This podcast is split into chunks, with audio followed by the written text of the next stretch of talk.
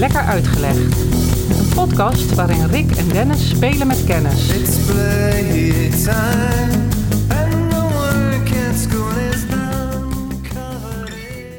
Nou Rick, het is weer de tijd van het jaar. It's a season to be jolly. Kerst. Hm? En ik weet eh, hoe gek jij bent op eten. Dus ik wil graag weten, hoe ziet jouw of jullie kerstdiner eruit dit jaar? Dat, eh, dan moet je, eh, nou, als het over eten gaat, er komt er nog wat bij, hè? Bij, bij, bij mij als halve Duitser. Nou, vertel. Dat weet je helemaal niet, denk ik. Wel. Nee, Eh, misschien niet. Maak me gek. Ehm, eten voor, wat betreft kerst bestaat voor een deel uit een bord dat mijn naasten krijgen. Ja, Familie en, ja, ja. en, en vrienden. Een paar vrienden, Ja. niet allemaal, sommigen wonen te ver weg. Maar ehm, dat is een eh Weihnachtsteller. Mhm. Een kerstbord. En daarop ligt noten, eh, liggen, eh, ligt fruit, ligt eh, chocola, ligt koekjes, zelfgebakken koekjes, ligt...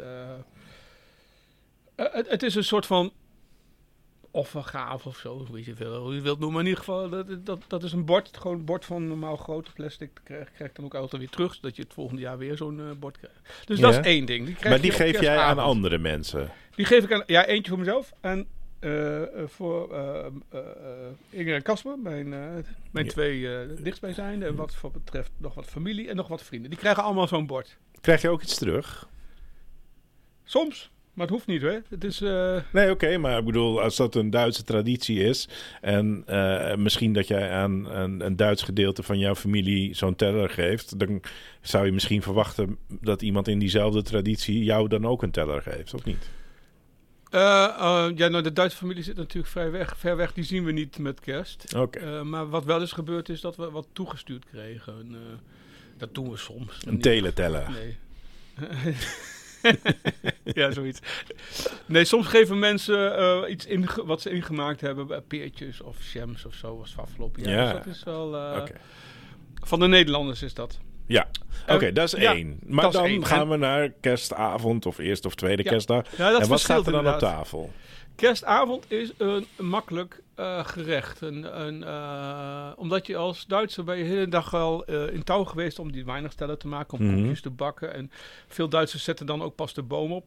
Mhm. Op de 24e. Oh. Dat doe ik niet. Ja, dat is, mijn vader was er zo in. Oké. Tot leedwezen van. Maar, maar staat hij dan ook heel lang tot in het nieuwe jaar? Of? Nee, nee, nee, ja, twee weken. Dus eh, tot eh 6 januari. Oh ja, oké. Dus niet, niet tot eh 2 eh, Maria Lichtmis of zo, dat niet. Niet tot sint Jotemus. Eh, dus dat is, eh, kerstavond is simpel eten. Oké. Dus dat, dat kan een pastaatje zijn, het kan een stampotje zijn. Wij doen dit jaar rijbekoegen. Mhm. Dat zijn eh, geraspte aardappelen met ui die je als pannenkoekjes bakt. Het is een soort van rusty. Ja, ja. Dat ken je wel, denk Ja, ik. ja. Met wat groenten erbij, appelmoes, eh, Mhm. misschien wat vegetarisch, weet ik niet. Eerste kerstdag is eh, sinds jaar en dag eh, dat ik met, met ons gezin gaan we dan naar mijn schoonouders.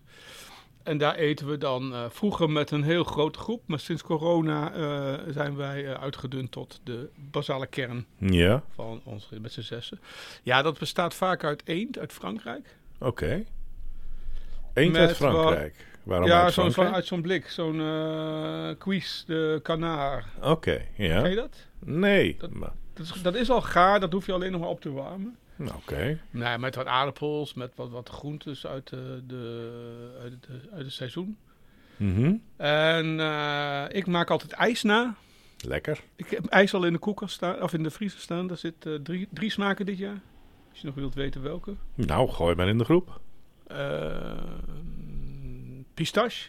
Lekker. Ja, Heel erg goed gelukt, heb ik mijn gemerkt. favoriet. Eh, framboos. Mhm, Dat is de favoriet van Nicole. En eh, nou, de favoriet van mij, zo, nou, hè, dan zijn we er net klaar, is, eh is eh, eh, whisky-ijs. Oh, dit heb ik nog nooit gehad. Eh, ook heel erg lekker. Dus Whis- eh, rood, whi- wit, groen Whisky is het, saus wel. Whisky saus wel. Nee, nee, nee, ijs dus. Snap ik.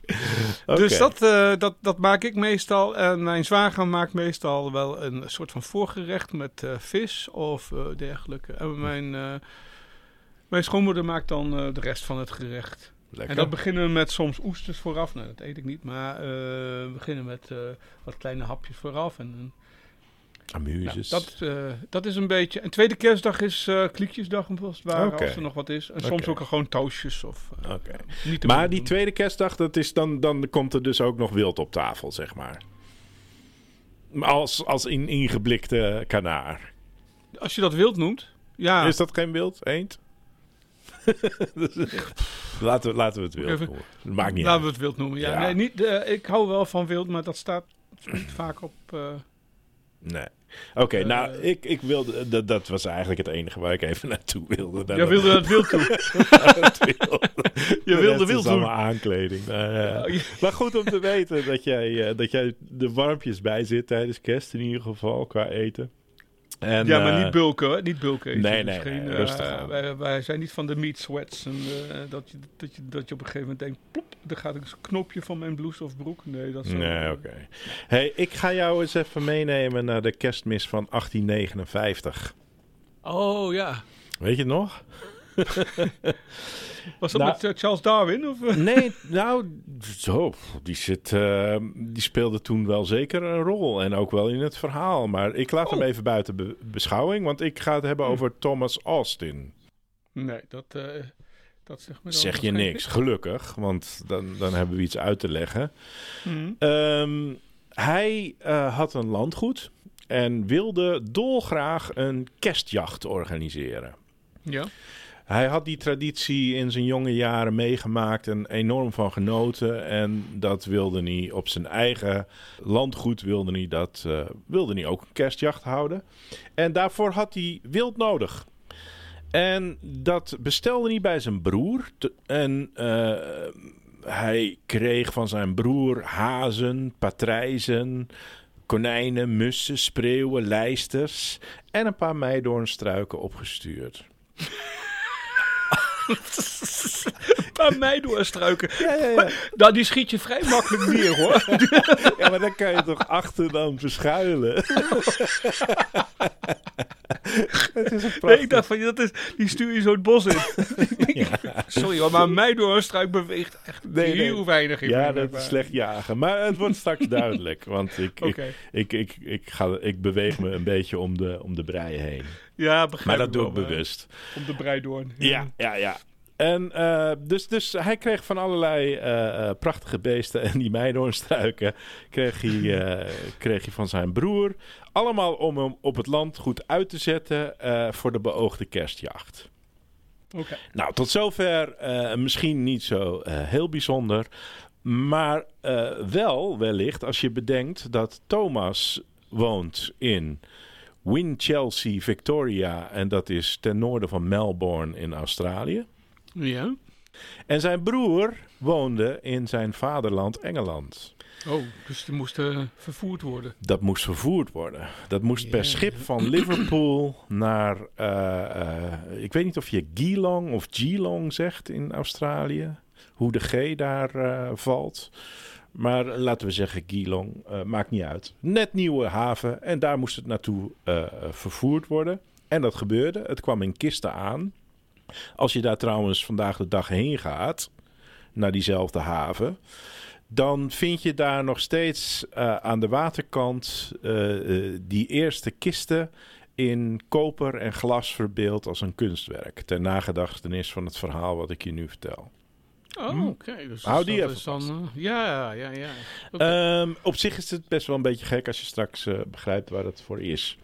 Ehm, eh, dat bestellen van diersoorten was voor die Thomas Austin ook niet iets heel bijzonders. Want hij was namelijk lid van de Victoriaanse acclimatisatiegenootschap. En dan moet je even denken. dan moet ik, acclima- ik moet waarschijnlijk nu zeggen. Ja, nee, nee. Ik ga je vertellen, dat is een genootschap wat eh, zich tot doel had gesteld. Hè, we zijn in eh, midden 19e eeuw. Om beschaving te brengen in de Ah. Australische wildernis. Ja, oké. Hè? We hebben het volgens mij niet lang geleden nog gehad over eh, boeven en criminelen die door de Engelse richting eh, Australië gestuurd werden om daar eh, vooral eh, een gemeenschap te stichten. Wij zijn van jullie af en daar is het groot en ruim en wijds en daar kunnen jullie niet heel veel schade aanrichten. Dus zoek het maar uit daar in die Australische wildernis.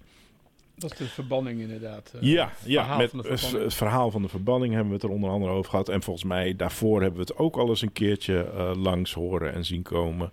Ehm, nou, als we dan even dat Australië als een wildernis zien vanuit hè, die Engelse gedachte en de gedachte van die Engelsen die daar leven aan het eh, eh, moederland. Dan is er een situatie waarin Australië dus eh, wel als minderwaardig eh, gezien wordt qua status ten opzichte van de Engelse natuur en de Engelse cultuur. Overigens is de oom van Thomas de eerste uit de familie Austin die naar Australië gestuurd wordt. Dus even de context erbij. En die eh, eh, ging naar Australië nadat hij veroordeeld was voor het stelen van enkele bijenkorven en wat honing. Oh, hij is dus wel verband. Het is niet Dat iemand is- die zeg maar als, als Ja. zijn geluk ging zoeken in Australië. Nee, die Nee, is, ja, eh, weg, Thomas eh, is dat wel, maar zijn oom, de eerste van de familie Austin, die, eh, die was dus echt verbannen. Hè? Hm. naar, naar Australië gestuurd vanwege een veroordeling voor diefstal. Ja. Ehm, nou, en met hem natuurlijk velen in die periode, begin 19e eeuw. En eh, eh, Thomas die schaadt zich eh, op een gegeven moment bij zijn familie, gaat daar een landgoed bestieren. En wordt lid van die acclimatiegenootschap. en die hadden dus als doel de beschaving van die Australische wildernis. En een van de manieren waarop ze die beschaving wilden brengen... was de introductie van eh, bijvoorbeeld Europese vissoorten. Want eh, zalm, forel, zeelt, eh, dat waren prachtige vissen... die ze in Australië ontbeerden. Dus die werden daar uitgezet. Plantensoorten die eh, het, het land van het, Engelse landschap vormgaven, eh, die ontbraken daar in Australië. Dus laten we ze hierheen halen en dan, dan, dan uiteindelijk kunnen we misschien een soort tweede Engeland creëren hier. Dus bijvoorbeeld de cactusvijg. Dat, eh, daar komt de eh cochineal eh, luis uit, waar pigment mee gemaakt wordt. Nou, dachten ze, kom op, halen we naar Australië om dat pigment ook hier te kweken. Nou, je begrijpt, en daar ga ik natuurlijk naartoe, het uitzetten van die vreemde diersoorten zorgt natuurlijk voor een hoop ellende. En ook die plantensoorten die in een eh, gebied terechtkomen waar ze van nature niet voorkomen, hè, dat zorgt voor problemen. Bijvoorbeeld de karper werd uitgezet in het eh, Murray-Darling riviersysteem, riviersysteem in Australië. Ecologische ramp. Heeft alles verdrongen aan eh, eh, eh, inheemse. Precies, alles verdrongen. Vissen. En in plaats van een zegen creëert het problemen. De cactusvijg, die voor die, voor die luis geïntroduceerd werd om dat pigment te maken, nou, die sloeg op een rampzalige wijze aan het woekeren. Buidelratten, er werden er vier uitgezet en groeiden uit tot een populatie van miljoenen. Beetje konijnenverhaal ook, Ja, min of ja. meer. Het, eh, eh, kortom, het Victoriaanse acclimatiegenootschap die sloeg de plank eigenlijk mis. De, de bedoeling was goed, maar als het ging om de eh, beschaving van de Australische wildernis, hè, was het in plaats daarvan stonden ze aan de basis eigenlijk van een barbaars manier van ecologisch imperialisme.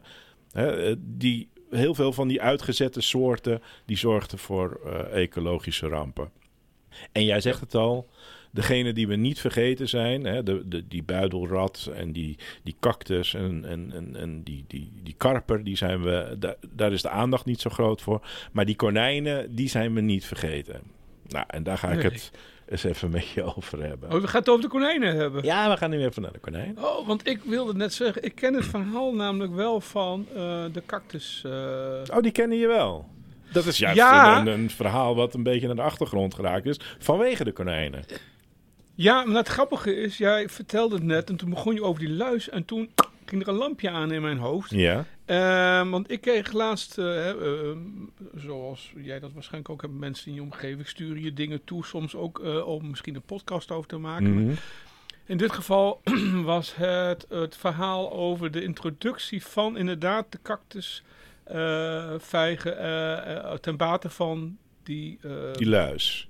die luis vanwege het eh verfverhaal. En ik Ja. heb er ook allerlei plaatjes gezien van totaal overwoekende zwart-wit foto's Ja. van totaal overwoekende woekende velden in Australië. Maar het muntje viel nog even niet totdat je over die luis begon. Ja, wacht eens even, Ja, dat ja, ja. Nou, Maar we gaan het helemaal niet over die luis hebben. Nee, die luistert is alleen maar weer. Hè, dat is, maar, goed, we hebben het er wel over. Want hè, dat is één van de eh, eh, woekerende ecologische rampen in Australië geweest. En voor een, eh, voor een heleboel eh, geldt het nog steeds trouwens. Maar die konijntjes, ik ga jou het verhaal van die konijntjes even vertellen. Want hè, eh, goed bedoeld, eh, jagen een paar fazanten, een paar konijnen en noem het maar op. En dan zetten we die uit en dan gaan we die vervolgens met een eh, leuk gezelschap gaan we die schieten. Dan hebben we lol Ja, met de nou, kerst. nou, hij kreeg 24 konijnen van zijn broer. Dus in die krat zat één krat met 24 konijnen. En om het even in perspectief te zetten, dat was in 1859. Zeven jaar Mhm. later was alleen op zijn eigen landgoed heeft hij er in een jaar 14.000 geschoten. Dus hij heeft nog heel lang plezier gehad van die konijnenjacht op zijn landgoed. Zodat de familie op een gegeven moment ook zei van, moet je eens luisteren, hè, eh, wild met kerst, prima. Maar echt, moeten we nou echt elke keer 50 konijnen gaan voor? Maar 14.000 konijnen schieten, man, dat is niet normaal. Maar eh, hij had zelf ook mm, niet nagedacht. Hij had het kunnen weten, want eh, misschien heb je wel eens gehoord van de First Fleet. Dat was eigenlijk de eerste tien schepen uit Engeland die naar Australië en Tasmanië gingen. Eh, Nee. Daar zaten... Nou, daar zaten al een, een deel van dat eh Gaius zat daarop. En met als doel van eh, ga daar maar heen en ga maar kijken wat je daar kan koloniseren enzovoort. Maar bij die First Fleet zaten ook al konijnen op het schip. En die zijn toen op Tasmanië beland. En daar hebben ze ook een ecologische ramp veroorzaakt. En dat was al eh, eh, tientallen jaren voordat Thomas Austin besloot om ook wat konijnen naar Australië te halen. Hij had het al kunnen weten. Maar goed. Eh, 24 konijnen. Wat, wat, wat kan je gebeuren, denk je dan? nou ja, je Wat kan je ze doen over het algemeen. Maar om, om, om die konijnen, hij had ook nog, want hij dacht van ja, ik moet er natuurlijk voor zorgen dat die, dat die beestjes eh, de kerst halen, hè, Mhm. zodat we ze dan kunnen schieten. Kunnen schieten. Dus ja. hij had op zijn landgoed al eh, heel praktisch haviken, arenden, katten en zo had hij al weggejaagd en, en doodgeschoten, zodat dat nieuwe eh, jachtvee de ruimte kreeg. Eh, dus die 24 konijnen, die kwamen eigenlijk lekker in zo'n landgoedje van... hey, Party on, dude. party on, dude. Eh, dit, is, dit is helemaal niet verkeerd. Nee. Voedsel, ruimte. Ja, ja, nou, het liep natuurlijk de klauwen uit. Twee jaar later al, in, eh, dus, dus nadat die... eh, dus we zijn eigenlijk negen jaar later. We zijn nu in 1868.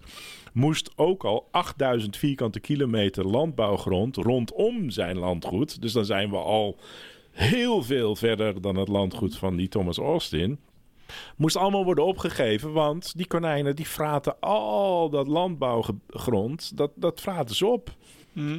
En van daaruit ging het verder en verder en verder. En de verspreiding van die konijnen uit, eh, in Australië is in Guinness Book of Records de snelste migratie van koloniserende zoogdieren waar dan ook ter wereld geworden. En als je kaartjes ziet van Australië en in bet- eh, met betrekking tot die konijnenplaag, dan zie je ook dat in een aantal tientallen jaren eigenlijk heel Australië wordt overspoeld met die beesten. Want waar zijn ze begonnen? Je zei boven Melbourne. Dus Ja, aan de het zuiden. eh, zuidoostkust. Ja, ja, en van daaruit zijn ze echt. Nou, tot in.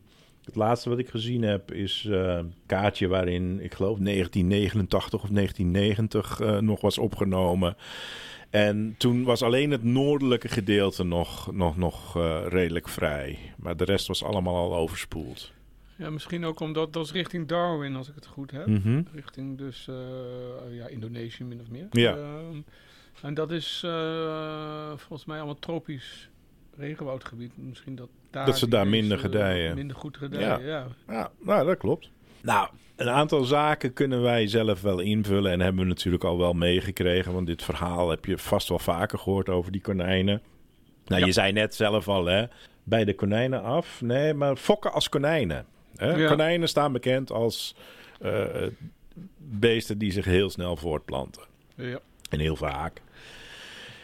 Nou, dat is één. Dus zijn een van de vruchtbaarste dieren ter wereld. Twee Ja. is, ze pasten perfect in dat droge eh, Australische landschap. Ja. Nou, drie. Hè, dat is wat, wat Thomas Austin ook al op zijn eigen land goed deed. Eh, gebrek aan natuurlijke vijanden. Ja. Hè, dus dat eh, speelde ook in het eh, heb je nog één dan? Is Ja, nog een eentje. vierde? Ja, de Oh. vierde.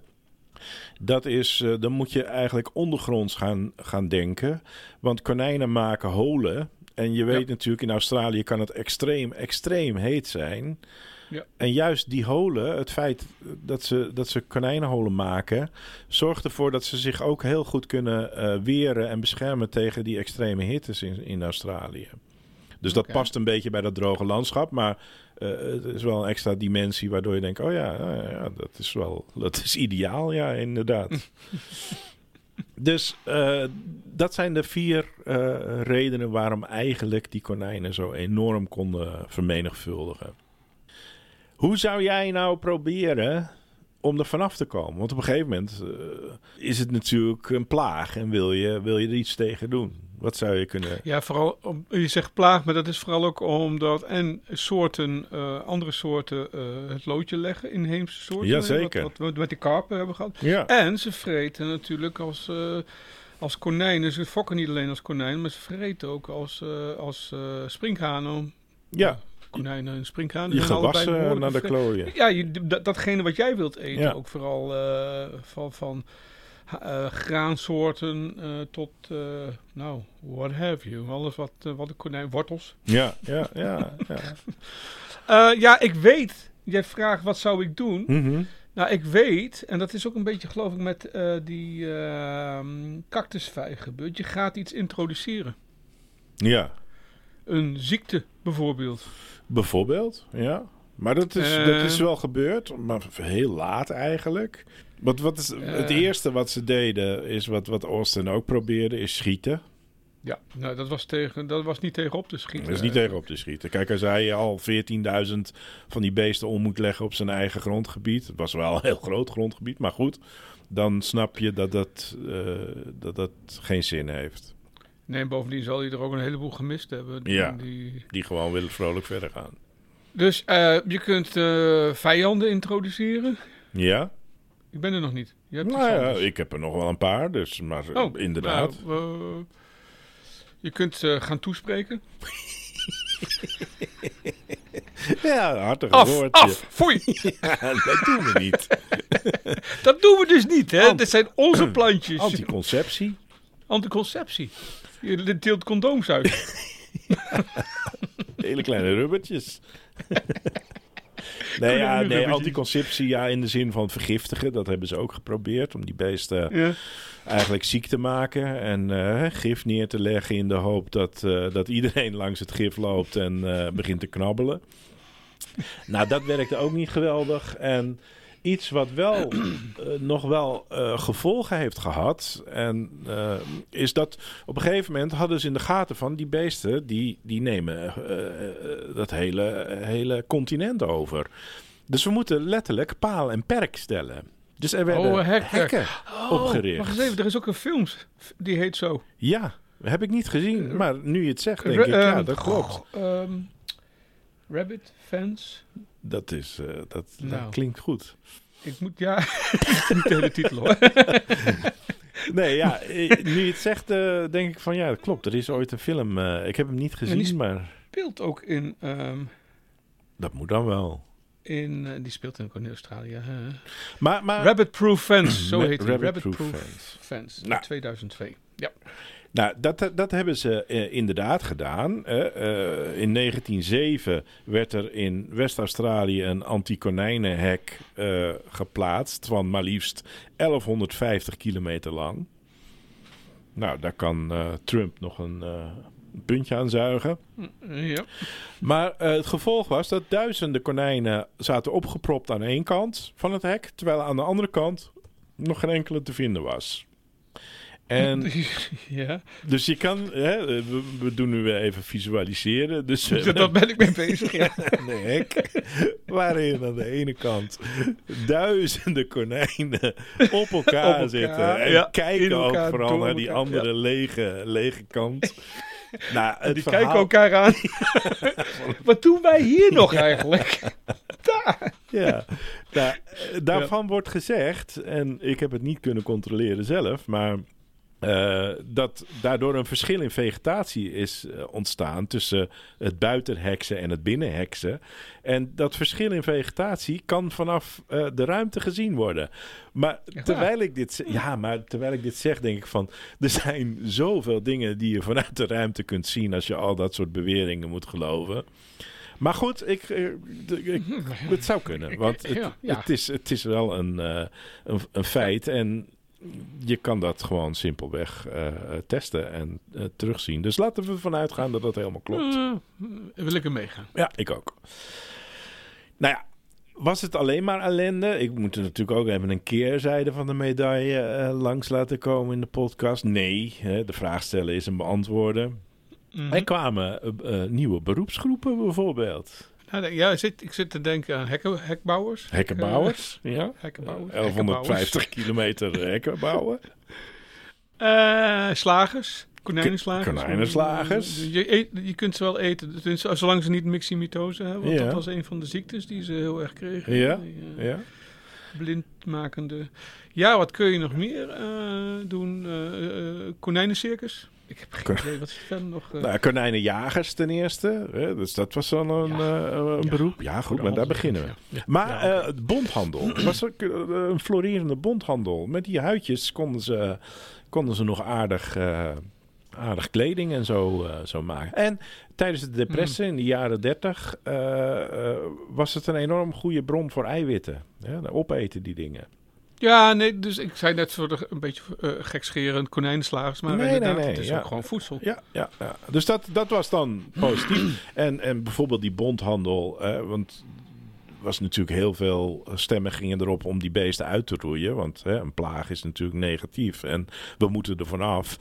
Maar toen die, bijvoorbeeld die bondhandel ontstond, waren er toch ook een heleboel stemmen die baat hadden bij die bondhandel. Die zeiden van nee, nee, nee, nee, niks aan doen, die, die, eh, die konijnen. Hè? Dat is onze broodwinning. Dus eh, er werd niet alleen maar negatief naar gekeken. Maar dat had natuurlijk wel de overhand. Want eh, de schade die ze toerichten, je zei het al even aan gewassen.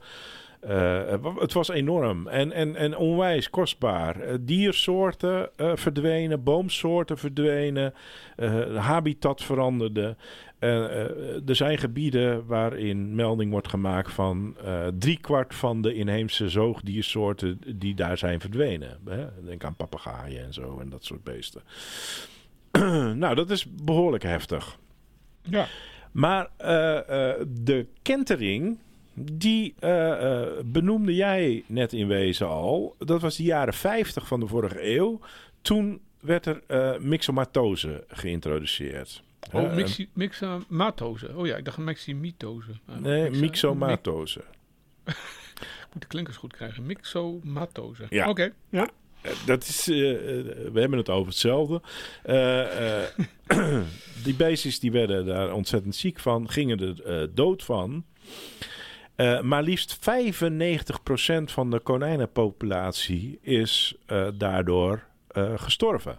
Uitgeroeid. Ja, 95%. Oh, dat was een gigantische slachting in de konijnenpopulatie. Dus eigenlijk, hè, voor de tegenstanders natuurlijk een, een zegen.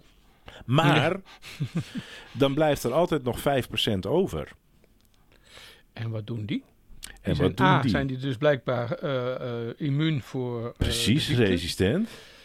En die hebben alleen nog maar meer zin om zich... Die hebben de ruimte, de tijd om zich weer heerlijk voor te bedanken. En die gingen Ja. er als konijnen op. En vrij snel na de, de mixomatose-periode is de populatie weer terug op gigantische omvang. Ze hebben geprobeerd ook nog eh, dat kunstmatig te herhalen door nog een ander virus, het eh Calici-virus, te introduceren. Ze hebben ook nog geprobeerd een Europese konijnenvloot te introduceren die eh, huis hield onder de konijnen. Maar alles nog, eh, nog steeds eh, ten spijt. eh, het lukte niet. Hè? De- ze zijn nog steeds niet van de konijnen af. En tot op de dag van vandaag zijn er nog plagen in verschillende regio's in, in Australië. Echt bij de konijn af. Ja. Ja, echt bij de konijnen af. Maar dat brengt me ook een beetje, kijk schuin naar de tijd, naar de trivia. Want ja. eh, eh, Vond dit al een hoop trivia? Was al een eh, hoop in de trivia. vorm van een verhaal. ja, ja, ja, ja. Want ja, je had nog in ieder geval één trivia waar ik nog benieuwd naar ben. En dat is op de kade. Nou ja, in de, de haven van Geelong, Geelong. Ja. daar staan dus de kratten van Thomas Austin, die zijn broer daar verzonden heeft. eh, met daarin dieren en planten vanuit Liverpool. Die staan daar als kunstwerk op die kade afge- afgebeeld in brons en in glas. valt, valt niks verder over te zeggen. Behalve Nee, dan dat behalve daar dan dat daar. Nou ja, goed, we kunnen natuurlijk wel even bedenken van eh, waarom staan die daar? Hè, eh, Als een waarschuwende vinger. ja, is dat zo? Nee. Eh, Dat weet ik niet. Nee, weet Nee, ik ook ja, niet. Maar dat, eh, dat kan. Het kan. het vertelt een geschiedenis die natuurlijk Ja. behoorlijke impact heeft eh, gehad en nog steeds heeft op, op de Australische samenleving. Dus het is sowieso een historisch belangrijk moment. Dus is dat wat we Ja. herdenken?